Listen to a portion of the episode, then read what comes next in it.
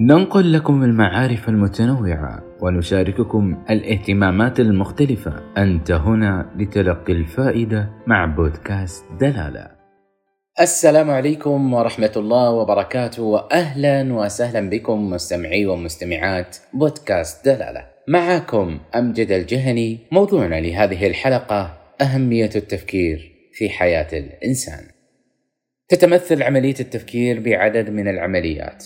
وأول مرحلة تكون مرحلة الاستقبال. فتبدأ بإحساس ووعي الإنسان عن طريق الحواس الخمسة وفهم وتفسير ذلك الإحساس وإعطائه قيمة ومن ثم حفظه وتخزينه.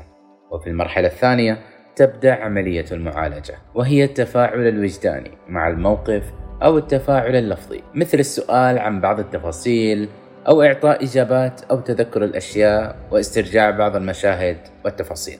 أما المرحلة الأخيرة هي عملية الإرسال وتتكون من تحليل أسباب الحادثة وتركيب مخطط واضح للفعل القادم ومن ثم التطبيق ومن هنا تتبين أهمية التفكير في حياة الإنسان. تكمن أهمية التفكير في حياة الإنسان بالقوة التي يستمدها من عملية التفكير. فالإنسان لا يستطيع الاستغناء عن عملية التفكير. فهذا يؤدي إلى الخروج عن الاتزان والشعور بالضياع. ويمكن معرفة أهمية التفكير من خلال قوة المعرفة التي تستمد منه وتكون القوة التي يستمدها الإنسان من التفكير كالآتي.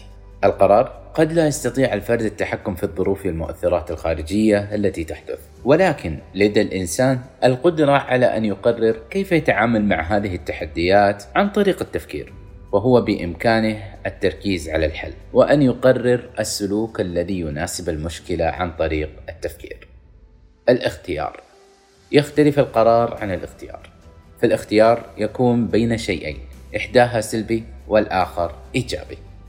وبالتفكير سيعرف الإنسان أيهما أفضل له. فالمرأة الحامل بيدها أن تختار أن تدخن أو أن تمتنع عن التدخين. وقد خلق الله الإنسان بقدرة على الاختيار بسن الطاعة والمعصية. والتفكير يساعد الإنسان على اختيار الطريق الصحيح. المسؤولية. لا تعني المسؤولية هنا أن يشعر الفرد بالإحباط وبأنه مسؤول عن أخطاء الجميع. بل الغرض أن يكون مسؤولا على إدراك التحديات والاستفادة منها ثم التقدم إلى الأمام والبعد عن اللوم والنقد للآخرين. ويمكن للفرد من خلال عملية التفكير إدراك مسؤولياته والعمل على إنجازها.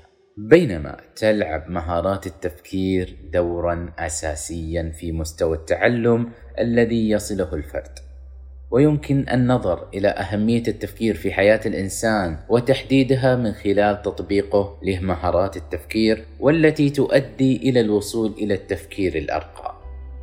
وتكون مهارات التفكير كالآتي قدرة التركيب وتعني عملية التركيب ببناء وإنشاء روابط بين الأفكار الفرعية والأفكار الأساسية في سبيل تجنب التداخل بينها. وأيضا لاستدعائها بسهولة ويسر من الذاكرة عند الحاجة لتلك الأفكار التحليل تتطلب هذه المهارة تجزئة المعلومات المركبة والمعقدة إلى أجزاء صغيرة من أجل تحديد المسميات والأصناف وتأسيس علاقات مناسبة بين الأجزاء. التدقيق تتطلب مهارة التدقيق وجود معلومات وقائمة متكاملة ومتشابهة من الأفكار بدرجة كبيرة وذلك للحكم عليها وتثبيت المعلومات الجديدة. التعميم وتعني أن يقوم الفرد باستخلاص الخاصية العامة والمبدأ العام للظاهرة أو الموقف وتطبيق ذلك على الحالات المتشابهة والأشياء التي تشترك في تلك الخاصية. وفي الختام، جميع الناس يفكرون، ولكن قلة لديه القدرة على الاستمرار بطريقة منهجية علمية صحيحة من أجل الوصول إلى حل أقرب إلى الصواب أو الصحة. وعلى ذلك فإن المشكلة الحقيقية ليست في أن نفكر وإنما في الطريقة التي يتم التفكر بها فكلما تميزت الأفكار بالأصالة والإبداع زادت قوتها وقيمتها ولهذا أيضا فإن المفكرين وكذلك العلماء هم أثمن ممتلكات الشعوب المتقدمة.